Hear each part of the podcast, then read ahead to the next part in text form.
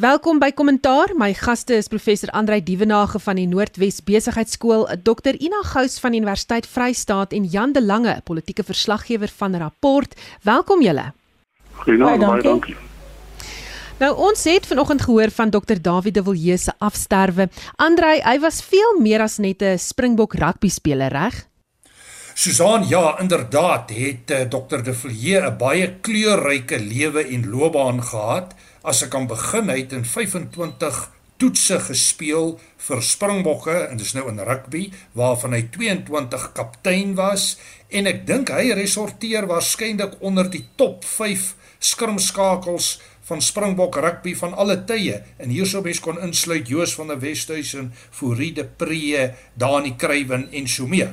Maar dan as jy na die ander aspekte van sy lewe kyk, hy was 'n filosofie dosent, hy was 'n predikant gewees, hy was ambassadeur en diplomaat in Londen. Hy's teruggeroep daarvandaan om minister te word. Hy het op 'n stadium die portefeulje handel en nywerheid beklee en dan was hy natuurlik deel van die hervormingsgroep wat saam met EW de Klerk gewerk het vir die totstandkoming van 'n nuwe bedeling. Ek dink hy is inderdaad 'n baie kleurryke persoon en ek dink Suid-Afrika rugby en baie omgewings verloor 'n waardevolle persoon wat ek dink met eintlik 'n baie skoon rekord beweeg het deur al die verskillende en onderskeie fasette van sy lewe. Jan, En ek kan onthou as kind hoe trots ek was op David te verleer en hoe kom op honger het. En dwars deur het oor 40 jaar lank het hy 'n openbare lewe gehad na sy rugby. Want sy rugby loopbaan was eintlik vir hom as ek van latere onderhoude met hom verstaan het. Was eintlik 'n baie klein deel van sy lewe en hy was nie eintlik vreeslik, jy weet, hy was nie so inteskik daarmee soos wat almal van ons was nie. Hy was baie meer ernstige mens en ook 'n baie nederige mens. En hy sê hy is van min mense wat wat sy lewe lank in die openbare lewe gestaan het wat heeltemal 'n skoon 'n skoon gesig het en oor wie daar nooit daar kan eintlik nie 'n skewe woord van hom gesê word. Dan môreoggend 'n monitor tussen 6 en 7 uur het hulle 'n volledige berig oor hom en sy lewe. Moenie dit misloop nie. Goed, in die res van kommentaar, ons praat nou verder oor president Cyril Ramaphosa. Hy het die week met president of die president van Oekraïne, Volodymyr Zelensky gepraat. Nou, die nuus is eers deur Zelensky op Twitter gedeel en eers 'n ruk daarna deur die Ramaphosa kamp ook op Twitter bevestig. Dink julle daar was nog altyd planne om met hom te praat of was daar iets wat iemand se besluit hieroor verander het? Ina, jy kan sommer vir ons begin. Ja, ek dink daar's seker meer druk gewees um, in die laaste tyd op president Ramaphosa. Ek meen daar's baie kritiek gekom um, met ons regering se benadering oor die hele situasie met Rusland wat Oekraïne binne geval het en geweldige kritiek oor ons reaksies en ons uh, betrokkenheid by sekere uh, stemme in die um, Verenigde Nasies. En natuurlik ook die ehm um, ambassadeur hier in Suid-Afrika van die Oekraïne wat op 'n stadium gesê het, hy weet geen mens van hier as die Afrikaanse regering het nog ehm um, jy weet al genader vir gesprekke of enige iets nie. En sy het dit ook uh, op sosiale media gesit. En dit het ook 'n geweldige kritiek uitgelok. So ehm um, daar druk gekom, ek dink ek wat die wat uh, die president Ramaphosa nie meer kon ignoreer nie. Ehm um, wat op die ou einde die besluit uh, laat neem is, weet ek nie.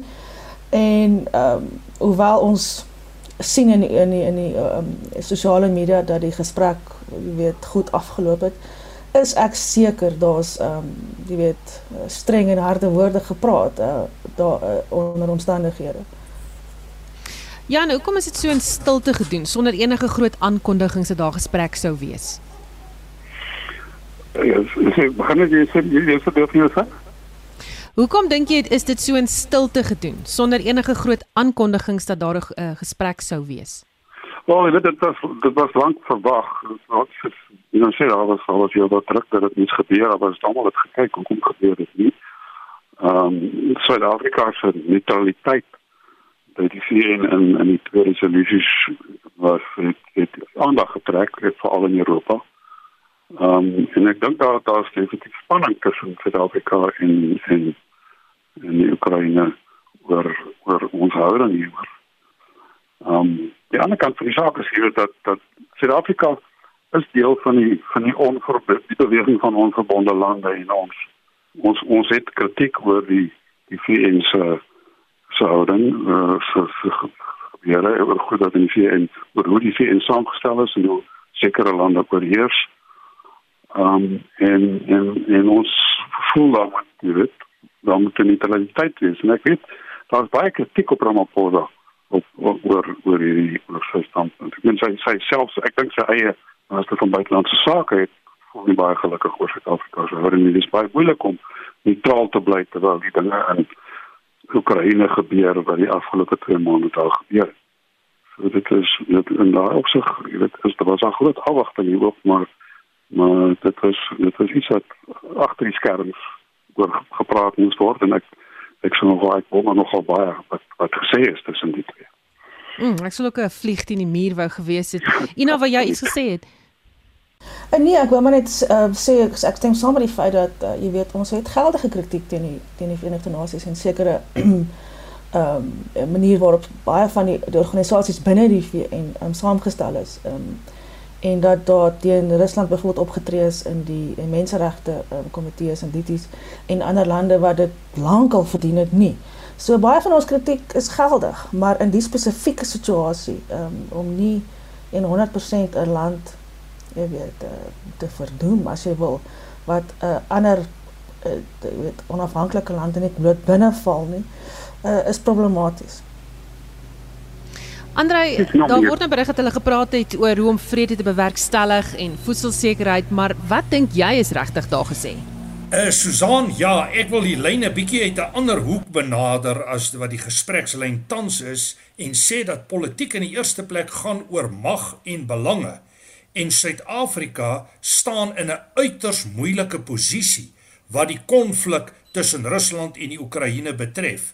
Aan die een kant is die ANC regering histories verbind aan Rusland in terme van die tyd van die die stryd of dan die struggle en natuurlik ook in terme van ideologie. Mens dink van waar kom die nasionaal-demokratiese revolusie, die steun van Rusland, die feit dat Putin direk by Suid-Afrika betrokke was tot onlangs toe met in die Zuma administrasie was hulle direk verbind aan die kernkrag ontwikkeling wat hier sou plaasvind.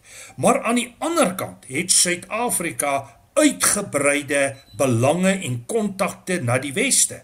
En hier was baie groot druk op meneer Ramaphosa, veral van die kant van die Biden administrasie dat uh, meneer Ramaphosa en die uh, Suid-Afrika nie neutraal kan staan nie.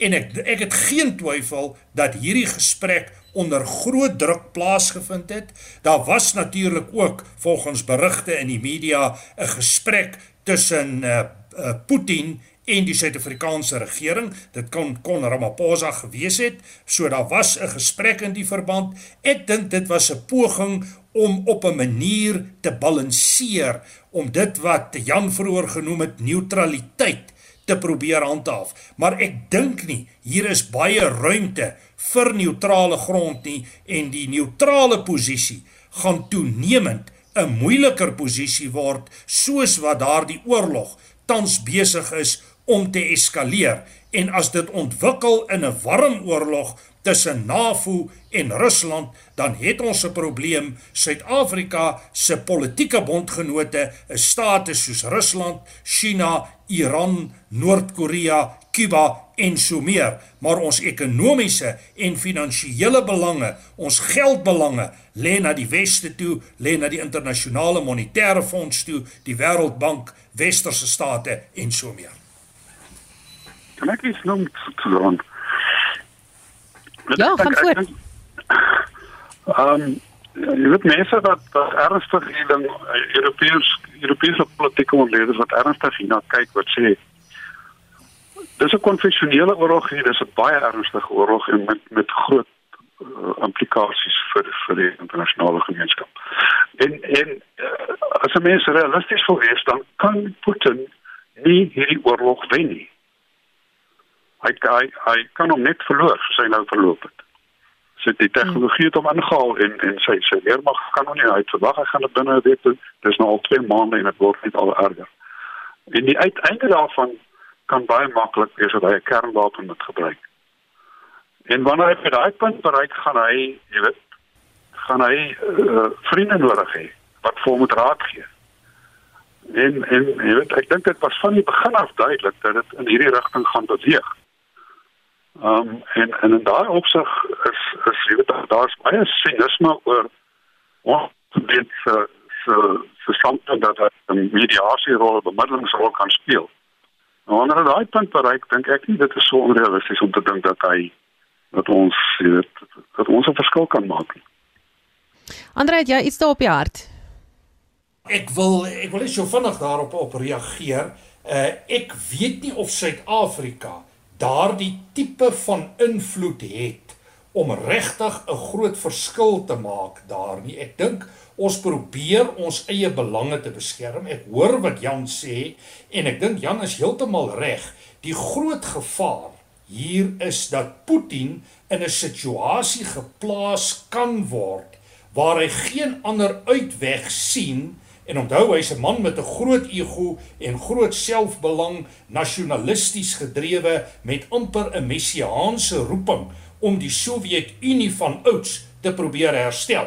Maar as hy hom in hierdie moeilike situasie bevind, dan het Kissinger ook gesê dis verskriklik belangrik dat jy via onderhandelinge alternatiewe uitweë soek. En ek dink in die verband kan ons dalk 'n rol speel, maar ek weet nie of ons die strategiese moontlikheid is hier wat 'n verskil kan en gaan maak nie. Ek dink op die oomblik is die saak geweldig vloeibaar, maar die tendense, die uh die faktore wat konflik bevorder, is op die oomblik eskalerende faktore, sterker as die de-eskalerende faktore.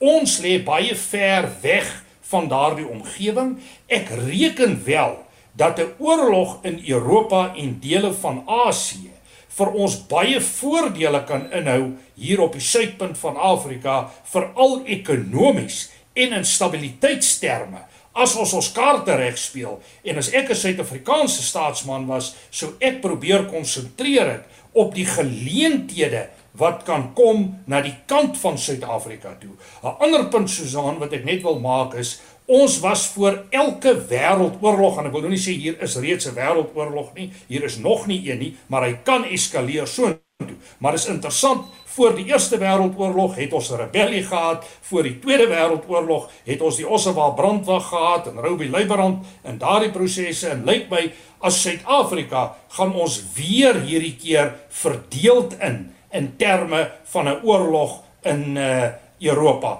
En dit lyk vir my of daai verdelingslyne ook manifesteer binne die ANC waar jy kan optel dat die Ramaphosa lyn meer pragmaties ekonomies onderhandelingsgerig is terwyl die meer radikale groepering al hoe meer neig om openlik Rusland te ondersteun. Ons het gesien dat van die ministers in die Ramaphosa kabinet 'n glasie geklink het toe die uh pansers en die uh tanks oor die grens van die Oekraïne beweeg het. So is 'n baie interessant dinamies komplekse situasie met moeilike keuses. Ek dink net die posisie van neutraliteit gaan moeilik gehandhaaf kan word in 'n omgewing waar die konflik eskaleer. Ina, ehm um, wat hierdie oorlog nou betref vir die algemeen, jy weet, wat dink jy is volgende? Ek dink dit is 'n wag en kyk situasie, soos wat kollegas reeds gesê het. Mens ehm um, kan onder omstandighede net dink dat dit sal eskaleer. Ehm um, spesifiek omdat Putin nie die tipe mens is wat uh jy weet uh, gaan terugstaan nie. Wat ek wel interessant vind is die druk wat ek dink van binne op hom gaan begin kom en hoe dit gaan manifesteer. Ehm um, met die persone wat rondom hom is, raadgewers en die wat ehm um, weet oor jare heen ge, gesien word as gesien was as ehm um, stoere ondersteuners. En ehm um, die impak wat die sanksies en ander jy weet uh, goed op hulle lewe het, op hulle besighede het, op hulle finansiële en ehm um, jy weet politieke status het en of daai tipe druk wat hulle op hom kan plaas enigsins ehm um, jy weet die dinge in 'n ander rigting kan instuur. Ons bly by nuus uit die buiteland. Die Franse president Emmanuel Macron en uh, Marine Le Pen het mekaar vandag die stryd aangesê by die stembus, beide hoop om president te word. Kom ons kyk eers hoe het Macron gevaar tot op hede as president en Ina sommer weer jy aan die woord eerste hieroor. Ja, hy hy het maar die pad geloop wat uh, baie van die uh, jy weet presidente maar loop, veral die wat um, onder 'n jy weet 'n baie spesifieke boodskap en um, beleidsstruktuur ingekom het. Um, hy was 'n besigheidsman wat net uh, besluit het of gesien het dat baie van die kiesers in Frankryk um jy weet uh, nie langer belangstel in politiek nie en nie weet meer hoe vir, vir wie om te stem nie. Dis alles goeters wat ons sien om ons in Suid-Afrika elke dag. En besluit het dat uh, jy weet 'n nuwe manier van doen um jy weet belangrik gaan wees en uit dit reg gekry. Dit is iets wat uh, vir baie mense gewild was en gedink het ehm um, weet hy sal 'n impak kan maak.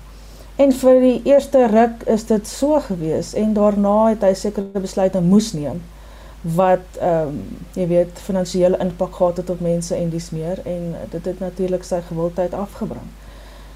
En uit die aard van die saak het ons toe nou die die COVID situasie en reëls en regulasies wat hy daar moes inbring wat uh versekerde sektore in die land uh die weet baie ongewild om hom baie ongewild gemaak het. En toe gebeur die Russiese inval in Oekraïne. En dit is 'n krisis wat dit blyk hy in sy veld tog um goed gebruik het. Um en hy het sekere van sy steun in daai opsig weer teruggekry. So dit lyk asof hy jy weet hier is so in die tweede ronde weer ehm um, jy weet die knop gaan deurhaak, maar ek ek dink nie dit gaan met dieselfde ehm um, jy weet meerderheid wees nie.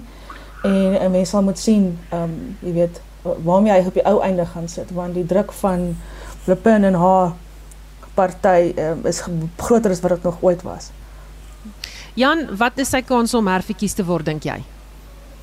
Ek dink sy kans is baie goed om herverkies te word. Um, En ek ek dink die die die oorlog in die Oekraïne het hom definitief gehelp en eintlik meer vir Le Pen seer gemaak want ek dink haar veld of haar haar beleidsontwikkeling was tot 'n mate gebou daarop dat dat Frankryk sy bande met NAVO moet verklein.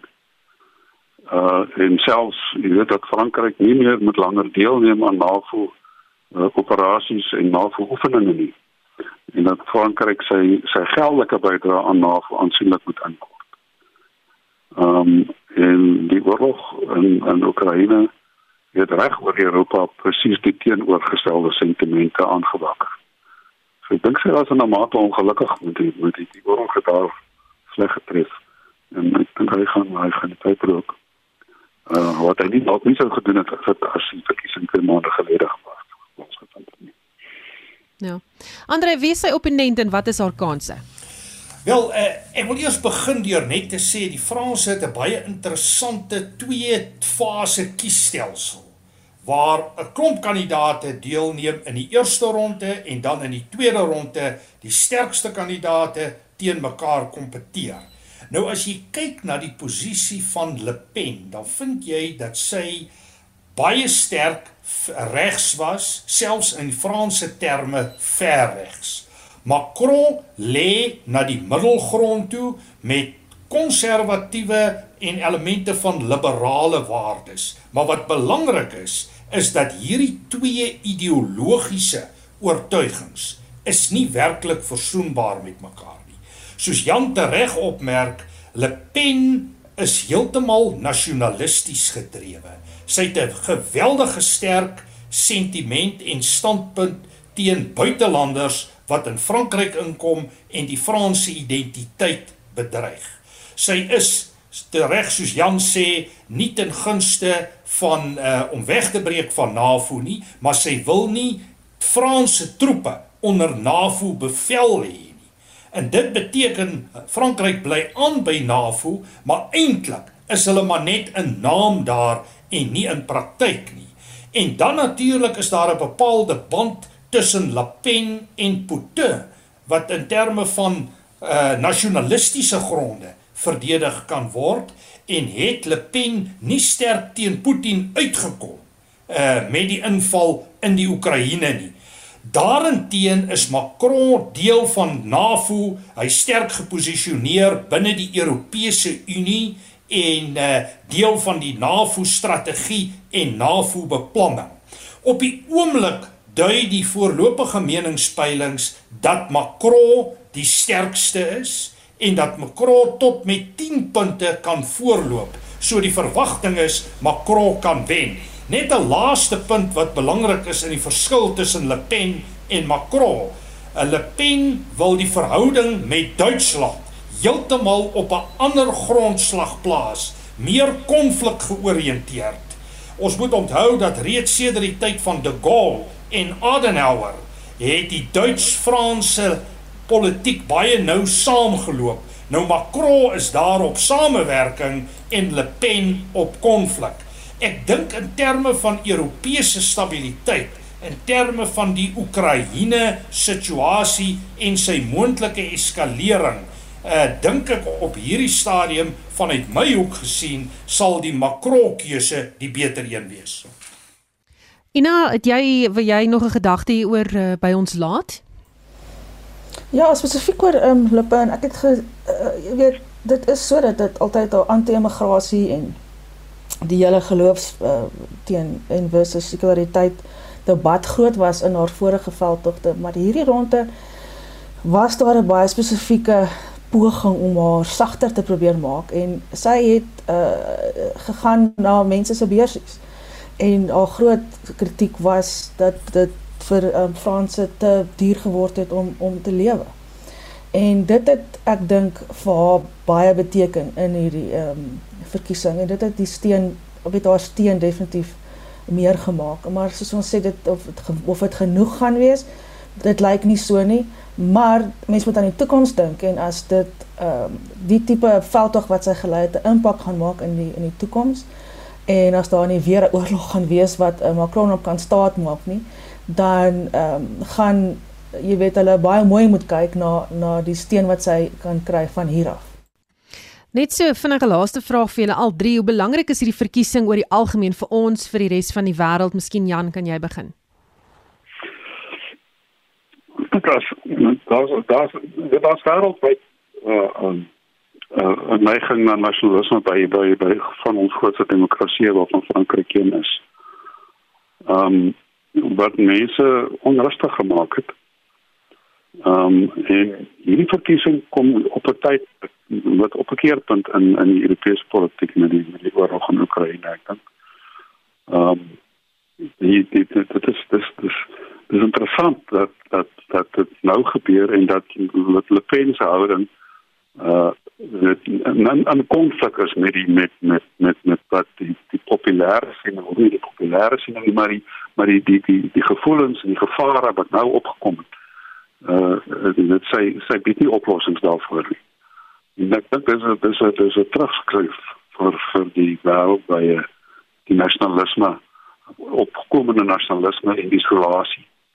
Ehm um, Macron het oor die laaste paar jaar met die opkoms van kyk onder Duitsland het baie het, het eintlik die groot mag in Europa geword die afgelope dekade.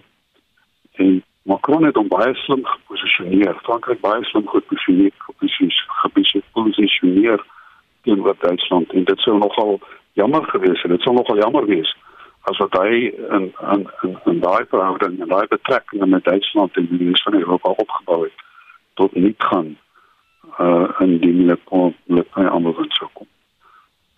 Andre? Uh Susan wêreldwyd sien ons die opkoms van identiteitspolitiek en ek wil sê ook in 'n Suid-Afrikaanse konteks as jy die verkiesings ontleed van die laaste tyd in Suid-Afrika en jy kyk na die partystrukture, dan kry ons in Suid-Afrika ook 'n al hoe sterker identiteitsgedrewendheid. Die probleem met identiteit is as jy hom mobiliseer, is hy baie sterk konflik georiënteerd.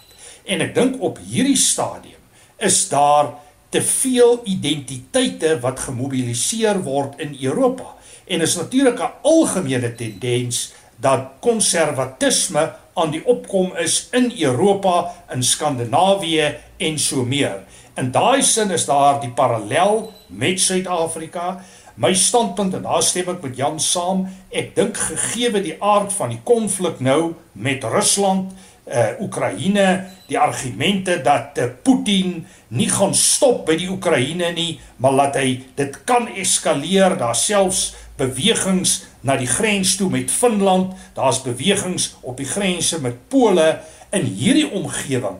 Dink ek is dit belangrik dat Europa bymekaar staan. En ek dink hier moet mens vir president Biden baie groot krediet gee dat hy letterlik in ure, mense wil sê dae, weke maksimum, het hy 'n alliansie van 'n groot klomp state bymekaar gebring in 'n NAVO-verband, het hulle georkestreerde sanksies toegepas wat ek dink relatief suksesvol is en ek dink dit is geweldig belangrik in hierdie konteks en ek stem met Jan saam dat die verhoudinge tussen Frankryk en die res van die Europese Unie nie op hierdie stadium skibreek lê nie en ek dink daar is Macron die beter keuse as Le Pen. Ina? Ja, ek dink dit is 'n venster in in jy weet wat kan gebeur en ek dink baie kiesers het gekyk na die Franse uh, kyk na die Franse verkiesing en kyk onthou ook die Amerikaanse verkiesing en uh, jy weet wat identiteitspolitiek daar gedoen het en steeds doen en die gevolge daarvan en ek dink daar is 'n uh, besinning by kiesers wat 'n mens uh, by hoop sal sal sal reflekteer die probleem is soos wat ons al weer gesien het is die die opkoms. Uh jy weet mense het nie in hulle groot massas opgekom in die eerste ronde soos wat gehoop is nie. Ehm um, en as mens kyk na die, die jy weet die die die persentasies wat die kandidaate op die oomblik hoop 'n mens dat dit kiesers sal motiveer om presies daai keuse te maak. Gaan jy een maak wat ehm um, jy weet die bande met Europa versterk onder omstandighede of gaan jy iemand kies wat nie net intern nie maar ook met ehm um, jy weet in met die Euro Europese verhoudings ehm um, jy weet gaan gaan begin mors. Jy luister na kommentaar en my gaste is professor Andrei Dievenage, Dr Ina Gous en Jan de Lange. Ons gaan nou na nuus hier op eie bodem. So die Eskom direkteur Bosisiwe Mavuso is Vrydag deur skoor gevra om homself te gedra of te verskoon. Mavuso wat ook die hoof is van Business Leadership South Africa het gesê sy weier dat die direksie van Eskom en Andrei de Ruyter alleen die skuld moet kry vir die beurtkrag. Skoor het met die direksie vergader oor die afgelope week se beurtkrag. Nou Mavuso en skoor se voorsitter, Mokoleko Hlengwa van die IFP het toe die onder ons die betrokke geraak, maar Woeso sê die probleme moet ook gedeeltelik voor die deur van die ANC gelê word en skoorbou wou weet hoekom Eskom sedert 2019 slegs 9 uit die 23 aanbevelings afgehandel het oor die voltooiing van Kusile en Medupi kragstasies, waarop Mavuso toe nog geantwoord het dat die direksie aangestel is om die vorige gemors reg te stel en nie verantwoordelik gehou kan word daarvoor nie. My vraag is nou, het sy 'n punt beet Jan? Sy het definitief 'n punt. Ehm um, Ja, dit is die die die kommissies Ja, as mens terugdink, en mens moet nie ek ek voel baie jammer vir Andre de Ruyter. Ek dink hy jy weet hy is hy is iemand wat kommunikeer soos 'n soos 'n uitvoerende hoof van 'n genoteerde maatskappy. Hy kommunikeer met sulke pikkies en met bedekte boodskappe wat eintlik baie en ek dink nie sy boodskappe kom altyd baie ons ek dink nie dis sy skuld nie, dis ons ons ons publiek wat nie altyd mooi luister na wat hy sê nie. Toe hy aan toe hy uitvoerende hoof geword het, hy en Jan Oberholz se drie operasionele hoofs, het hulle nie vir ons beloof beeskrag gaan minder word nie. Hulle het ons beloof dit gaan meer word. Want hulle moet meer onderhoud doen. En en, en dis wat gebeur het. Nou, hulle het gesê hulle gaan dit gaan 2 jaar duur en dan gaan dit minder word. Dit is nou al meer as 2 jaar en dit word nie minder nie. En hulle het vir ons hier dit in geopdateer en gesê, jy weet, uh die onderhoud is baie moeiliker die agter agteruitgang by die kragstasies is baie ernstiger as wat gesê. Um en en en en uh hierdie week wat verby is, het uh bereiter in een van sy inligtingsessies oor oor die oor die um oor die weerkrag wat die week gebeur het. Is gesê dat ons het 'n punt bereik waar ons beslis maar ons gaan nooit weer Eskom se kragstasies in die toestand kry waar hulle was nie want dit is eenvoudig te duur.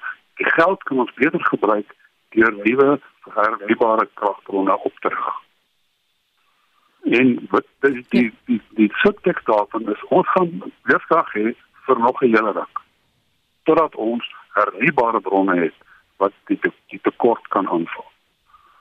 En jy kan nie vir die ryker, nou sit ek ek het al in hierdie komitees gesit en spesifiek by die GDB die 1 LP wat wat uh, vrydag langs uh sien wat die voorste van die portefeulje komitee was en wat die vraag gevra het. En en, dis mense wat dit uh hulle kom eintlik vir die EFF van daai van die gaan sê LPs en maar portefeulje komitee. Hulle probeer om bykom en hy uh Sy sê nou maar hê dit duidelik gemaak het sy begin praat. Sy praat namens die ryker. En dit is nodig dat hy daai beskerming het. Dit is heeltemal onregverdig dat hy daar sit en en uh, politici, parlementslede gebruik die situasie by Eskom om om punte te om te teken vir politieke gewin. Uh, hy daai beskerming nodig en en ek dink kleinwa die die voorsitter van die portefeulje komitee wat eintlik van die IFP is. Uh behoort die LPs en hulle vra teenoor ek ek het al afgesit wat ek gedink het hy moet ingryp en help is te sê nee kan dit van vrouens dis nie sê. Hm. Andrei, het sy punt beet? Ja, het het sy uh, punt beet of het die direksie genoeg tyd gehad om wel sake reg te ruk? Uh Susan, nee, sy het ongetwyfeld 'n punt beet. En ek wil eintlik dit nog sterker stel as wat Jan dit gestel het. Die oorsaak van die hele Eskom probleem is polities van aard en is ANC van aard en jy kan gaan kyk na hoe die kaders ontplooi is in die Zuma era, die mate van korrupsie, die mate van staatskaping en nou kry ons ook die tendens van die sabotasie van Eskom. En die situasie waarin meneer De Ruyter en Oberholzer en ander hulle bevind is 'n haas onuithoudbare situasie.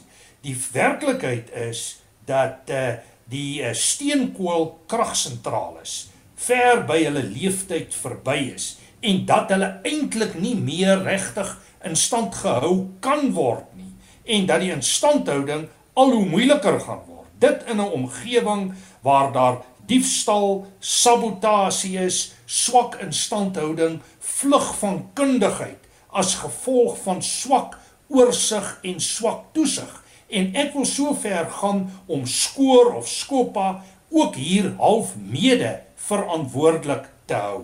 En dan op 'n breër ideologiese punt. Is dit so en daar is Jan heeltemal reg. Ons benodig privaat privatisering van die elektrisiteitsbedryf en industrie. En reeds op hierdie stadium is daar privaat elektrisiteit beskikbaar. En ek het 'n artikel oor die naweek gelees waar die argument is die regering kan hierdie saak eintlik regstel deur bloot dit vir mense in instellings makliker te maak om elektrisiteit op te wek vir hulle belastingtoegewings te gee, die hele proses te privatiseer en daai noodsaaklike, ek dink is omtrent 6000 megawatt in die stelsel in te kry. Maar vanweë politiek ideologiese redes wil hulle dit nie doen nie. Uh meneer Gwedi Mantashe is ook verby 'n donker figuur in hierdie hele proses met sy eie belang, maar om kort saam te vat, Mavuza het uh, Mavuzo het 'n sterk punt. Ek dink skoor uh, se posisie is meer problematies en ek dink dit is tyd dat die ANC en hulle leierskap groter en breër begin te dink as die ideologiese beperkings en vertrekpunte waar hulle vandaan kom. Ina, moet die regerende party deels skuld kry vir die gemors of meerendeels?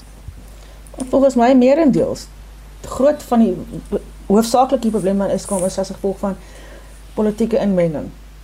En ons het uiteindelik uh wil dit blyk dat daar iemand is wat aan die stuur staan wat weer uh jy weet uh, seker maak dat die bestuur van Eskom en die belanghebbendes soos die staat en die uh die die board van Eskom dat hulle elk weet wat hulle rol is en nie met mekaar se rol moet inmeng nie. En dit is uit die aard van die saak 'n baie moeilike taak want hulle is gewoond om presies die teenoorgestelde te doen. En ander die ruiter het gesê nee, daar's baie spesifieke verantwoordelikhede vir elkeen hiervan. En ons mag nie met mekaar so goed inmeng nie en daar word by hom ingemerk. Ek dink sy taak word daagliks baie moeilik gemaak vanuit politieke oorde en veral die wat uh, jy weet staat maak vir vir 'n uh, 'n kontantlyn met al die tenders en en ander goed wat rondom jy weet kragopwekking aan die gang is. So sy het absoluut 'n punt weet en sy het haar punt baie duidelik gestel en uh, ja, die wyse waarop sy behandel is, sy is gewoon geboelie. En ehm um, dit is baie goed dat sy gewoon opgestaan en uitgestap het en gesê sy sal nie ehm um, jy weet daar onderwerp aan aan aan verdere ondervraging as die waarheid nie gehoor wil word nie. Jan, het sy met haar optrede 'n groter blik wurms oopgemaak wat nog die hele tyd toegedruk word en dalk 'n teiken op haar eie rug geplaas. Ek dink nie dis seker op op sy nie. Ek dink sy sy jy weet wat wat gebeur het Vrydag is en 'n mens dit mens jy moet my miskien 'n oomblik gee om die konteks te verduidelik van goed wat ek nou agter die skerms daar's 'n stryd in die ANC aan die gang, in die in die kabinet aan die gang tussen Gwede Mantas aan die een kant en Pravin Gordhan aan die ander kant. Gwede Mantas wat voel Eskom hoort in sy portefeulje. En en en as jy nou kyk na wat if wat wat Andre de Ruyter verlede week gesê het, dit is die eerste keer wat hy dit so reguit gestel het. Hy het daar lank baie daarop gesinspeel, maar dit is die eerste keer so reguit gestel om te sê ons gaan nooit weer hierdie kragsentrale hê waar ons hulle gehad het nie ons is besig om hulle toe te maak, ons moet hulle net probeer aan die gang hou tot ons iets het in hulle plek. Nou die implikasie daarvan is dat ons gaan nie meer steenkool verbrand. Ons gaan heeltemal steenkool ophou brand vir kragsentrale. Terwyl ons enorme steenkoolbronne in die land het. Ehm um, ons en, en dit is ook 'n baie groot baie baie groot verdiener van buitelandse valuta. En en daar's 'n debat hieroor aan die gang in die regering. En wat Vrydag gebeur het is is is is 'n is 'n kombinasie van daai debat, eintlik nie 'n debat nie, eintlik 'n stryd, 'n twis. Um, en en wat Vrydag gebeur het is is is 'n is 'n uitvloeisel van daai van daai twis. Van daai LPs in die in daai portefeulje komitee uh, en en ander portefeulje komitees wil vir Gwede Montas en hulle wil vir Andre de Ruyter uitkry. Um, en en en en en Woesie Mabuso en ek weet Woesie Mabuso uh, Woesie sê maar Mabuso is nie 'n voltydse direkteur nie sy sy sy is nie uitvoerende direkteur sy is net 'n gewone direkteur is nie 'n voltydse werk sy sy doen dit as vrywillige werk sy kry 'n bietjie van 'n direkteur voor maar sy is die uitvoerende hoof van besigheidsleierskap hier sy is vir Suid-Afrika by die 65 grootste maatskappye in die land en as ek vandag met haar kan vra sal ek baie graag wil weet het jy 'n mandaat van daai maatskappye om so op te tree en ek is seker sy het. Hmm. Nou en, en dit het, dit het, dit het ernstige implikasies vir die verhouding tussen die sake sektor en die regering. Hmm. Um ja, jy weet Dis is ja. dis baie goed aan die gang wat 'n mens nie is onderstrominge aan die gang wat 'n mens nie met miskyk nie. Hmm.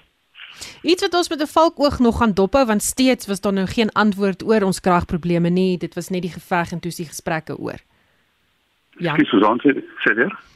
Nou alles nog steeds geen antwoorde oor ons kragprobleme nie. Nee, ons het nie antwoorde vir ons kragprobleme nie.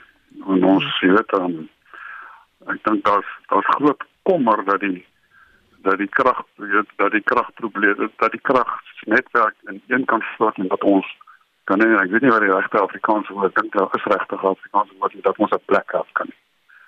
En en die ryter het hierdie week groot baie moeite gedoen om te verduidelik dat dit onwaarskynlik is en dat maar ons gaan al hoe groter ons gaan baie meer al die winter gaan ons wel wat uh, beerdkrag hê wat mense wil moet bly wees is dat mense goed betyds kennis kry oor beerdkrag dat jy kan weet daai tyd dit, dit is nie so voor jare dat jy net eenvoudig hier sit en al staan gaan alles af en ons weet wanneer ons meer skryf goeie kennis daaroor maar ons gaan heel wat meer daarvan hê soos dit vir my lyk ehm um, totdat ons totdat ons hierdie hernubare bronne op opdreef het.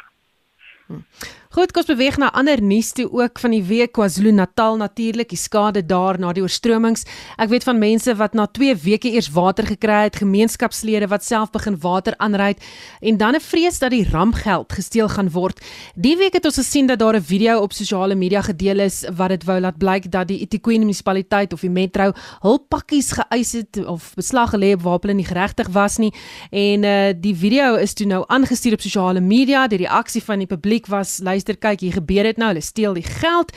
Um en dit is een van die vrese dat alles deur die regering nou eers gesteel gaan word. Mense vertrou nie meer die owerhede nie. Andre, is dit die idee wat jy gekry het?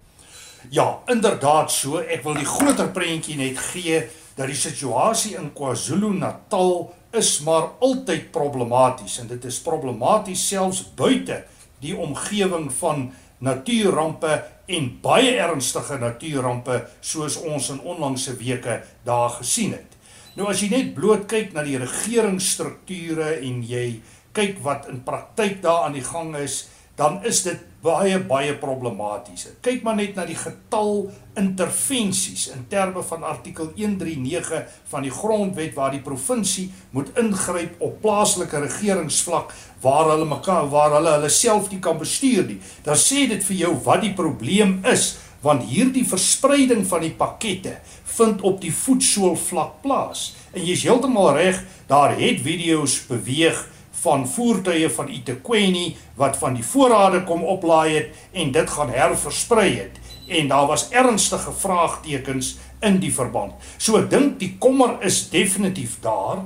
Daar was baie sterk aanduidings van plundery en ek moet sê KwaZulu-Natal word vir my toenemend 'n omgewing waar wetteloosheid nog meer voorkom as in die res van Suid-Afrika en dit is my standpunt dat uh, eh, wet en orde of eerder die gebrek daaraan is waarskynlik die grootste enkele uitdaging wat ons samelewing tans mee te kamp het. Maar daar is dit besonder erg.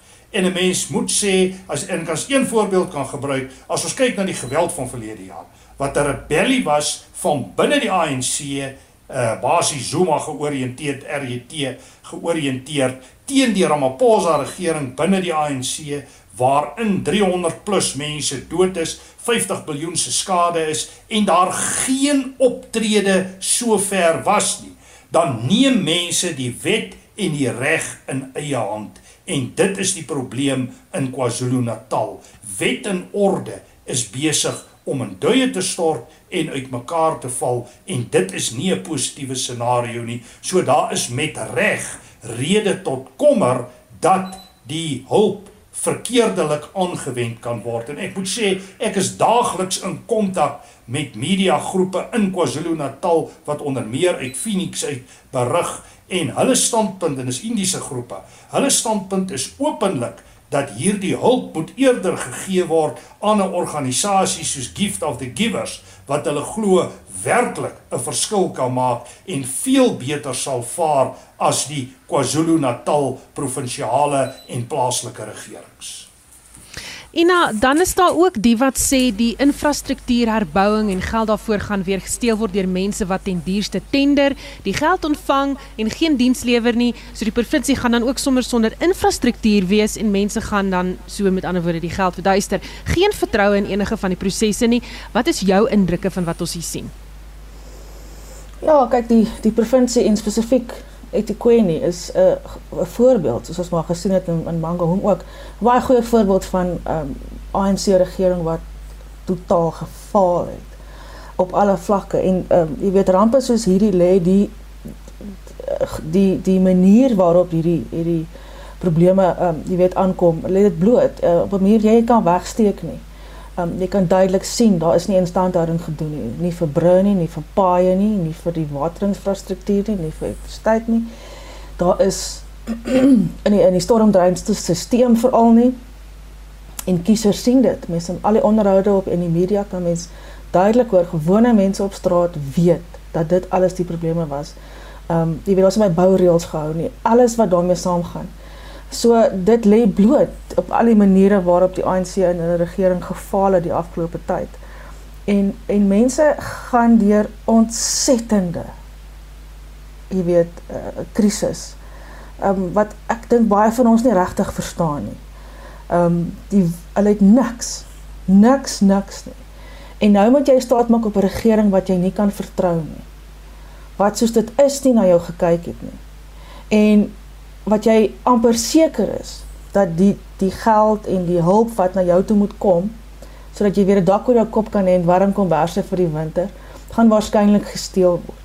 En dit moet dit moet vir iemand in die regering, nie net oppositie nie, vir die president, vir almal in in in die in die ehm uh, um, jy weet bestuur van die ANC. Dit moet tog 'n verskriklike verleentheid wees om te weet dat dit is wat mense dink van jou.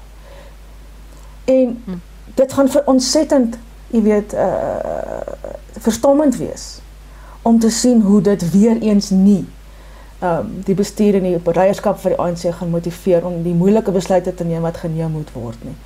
Ehm um, jy weet om die persone wat verantwoordelik is en nie hulle verantwoordelikheid nagekom het van hulle ontslae te raak. En ehm um, en, en, en ons gaan dit gadeslaan. So ek verstaan heeltemal dat mense sê luister ek gaan liewers my donasie vir gift wat ek iewers gee en dat uh, so 'n organisasie eerder hierdie hierdie fondse moet kry om te sorg dat dit kom waar dit moet kom. Jan, gaan KwaZulu-Natal in die krisis daar agterweë bly in die skadu van die komende ANC leierskapskonferensie en die stryd binne in die party? Ek dink die ANC in KwaZulu-Natal, die die, die party vir die daar is is waarskynlik die ergste verdeel in in die dis die provinsie waar die verdeeldheid en die en die en die, die twist die diepste is. Jy weet daar's daar's ernstige verskille in in in in ehm um, die die Fikalala die premier was aanvanklik was in die, in Zuma se jare 'n sterk ondersteuner van Zuma en 'n bondgenoot van Zuma. En net so 'n paar maande nadat nadat uh, Ramaphosa president van die ANC geword het, uh het hy perde geruil en die Ramaphosa perd opgeklim en daar's op die oomblik hy het hy word beskou deur baie as 'n verraaier. Hy baie van in, in KwaZulu-Natal en dit gaan dit gaan dit gaan vir vir Ramaphosa se veld om markies te word. Die slaggewend is of Cecil Nicolala herkies word as provinsiale leier wanneer hy wanneer hy ANC president in daardie provinsie provinsiale kongres. So ja, dit dit gaan dit is die die die die ANC in daardie provinsie is, is is baie verdeeld en is, en dit is die grootste provinsie in die ANC. Dit is die, die meeste lede en die eerste, eerste takke. So dit is dis 'n belangrike baie dis baie belangrik wat daar gebeur en en die die vloed en hoe dit hanteer word. Dit het gaan definitief uitwerking op die ANC konferensie. Iets wat ek wil noem Ja, ek nou ek dis dis waar wat almal sê dat dit KwaZulu-Natal wet en orde, dis 'n gewelddadige provinsie. Dit word geregeer deur deur bendes basies. Dit dit dis 'n boerdery. Dis dis dit dit jy nie beskerming het van 'n bos nie dan dan het jy eintlik nie 'n kans nie, maar die positiewe ding van ons KwaZulu-Natal is dat die regeringsorganisasies ander aktief op die gebied genoem, maar daar's 'n hele netwerk van nie regeringsorganisasies in die platteland wat voedings en onderwys en grond projekte mee besig is en wat wat in die COVID inperking 'n baie groot rol gespeel het om mense te help en wat wat eintlik in die COVID tydperk uh, gegroei het. Terwyl as ja. die regering sonder regeringshulp en en as die staats die, die provinsiale regering en en en daai netwerk bymekaar kan kom. Maar daar's 'n totale daar's geen kommunikasie tussen daai twee uh constituencies groepe nie ek dink die oplossing van KwaZulu-Natal lê daar aan dat daai twee belange vestings bymekaar moet kom en moet koördineer. Hm. Ek sê ek het maar wat dit maar kan hoor. Ina? Ja, dis 'n belangrike punt wat wat wat wat daar gemaak is nou net. Ehm um, die die die vennootskap tussen die die staat en hierdie organisasies is veronderstel om van so aard te wees dat dat hulle mekaar steun en mekaar se hande lig en dit is sodat daar 'n geweldige netwerk van hierdie organisasies is wat ontsettende goeie werk doen en gedoen het. Maar as jy dan nou 'n vennootskap kan hê met die mense wat die die groot beursie het en dat die regering verstaan die die geweldige impak wat wat hierdie um, organisasies kan maak op die mense wat hulle wil hê vir hulle moet stem. Ehm um, sal dinge baie vinnig baie beter gaan. In steede daarvan wil dit vir my voorkom asof baie van hierdie organisasies vir hulle 'n uh, tipe van 'n ehm um, jy weet 'n uh, 'n probleem raak en dat hulle mekaar nie vertrou nie. En as daai verhouding net beter kan wees dat die vennootskap behoorlik kan kan verloop, um, gaan daar kan mens baie meer positief uitkom sê. Goed, net so voor ons moet groet en ons tyd hardloop nou vinnig uit. COVID-19 gevalle is weer besig om toe te neem, skerp stygings in die getalle hier in Gauteng veral. Die volgende golf is hier is van die opskrifte vandag. Andrei met inperkingsvlakke waar dit nou staan is ons gereed. Wel, uh, Susan, ek weet nie of ons ooit heeltemal gereed is nie, maar ek dink ons sal seker maar weer teruggaan met wat ons in die verlede gedoen het en net weer in die vlakke beweeg. 'n Mens weet nie hoeveel mense hulle nog regtig daaraan gaan steur en dit konsekwent toepas nie. My aanvoeling en ek is nou nie 'n mediese kenner nie, is dat die ergste van die COVID proses lê agter ons. Ek dink ons gaan miskien nog 'n paar kleiner egos en golfies kry vorentoe, maar ek lees dit nie as 'n ernstige scenario nie. Uh in terme van krisisse wat Suid-Afrika gekonfronteer word mee op die oomblik, wonder ek of die COVID problematiek onder die top 10 sal wees of behoort te wees. Ina, sal inperkingsvlakke weer verander word? Ek dink die regering gaan 'n poging aanwend ja, maar ek dink nie dit gaan 'n groot impak hê nie. Die groot impak moet wees op veldtogte. Ehm um, weet om weer te fokus dat mense hulle self moet inent. Ek dink nie daar's genoeg Suid-Afrikaners wat ingeënt is nie en en ek daar's nie vir my 'n 'n behoorlike poging om om om om dit regtig weer aan te spreek nie. En daarin lê die probleem vir my. Hierdie vlaag gaan ehm um, jy weet erg bly en en as as as as meer mense nie daai besluit neem nie en die ehm um, die boodskap daar rondom die ehm um, opleiding daar rondom die opvoeding daar rondom moet uh, ek dink weer meer aandag kry. Dan Jan, is die publiek verantwoordelik genoeg om die golf suksesvol te bestuur?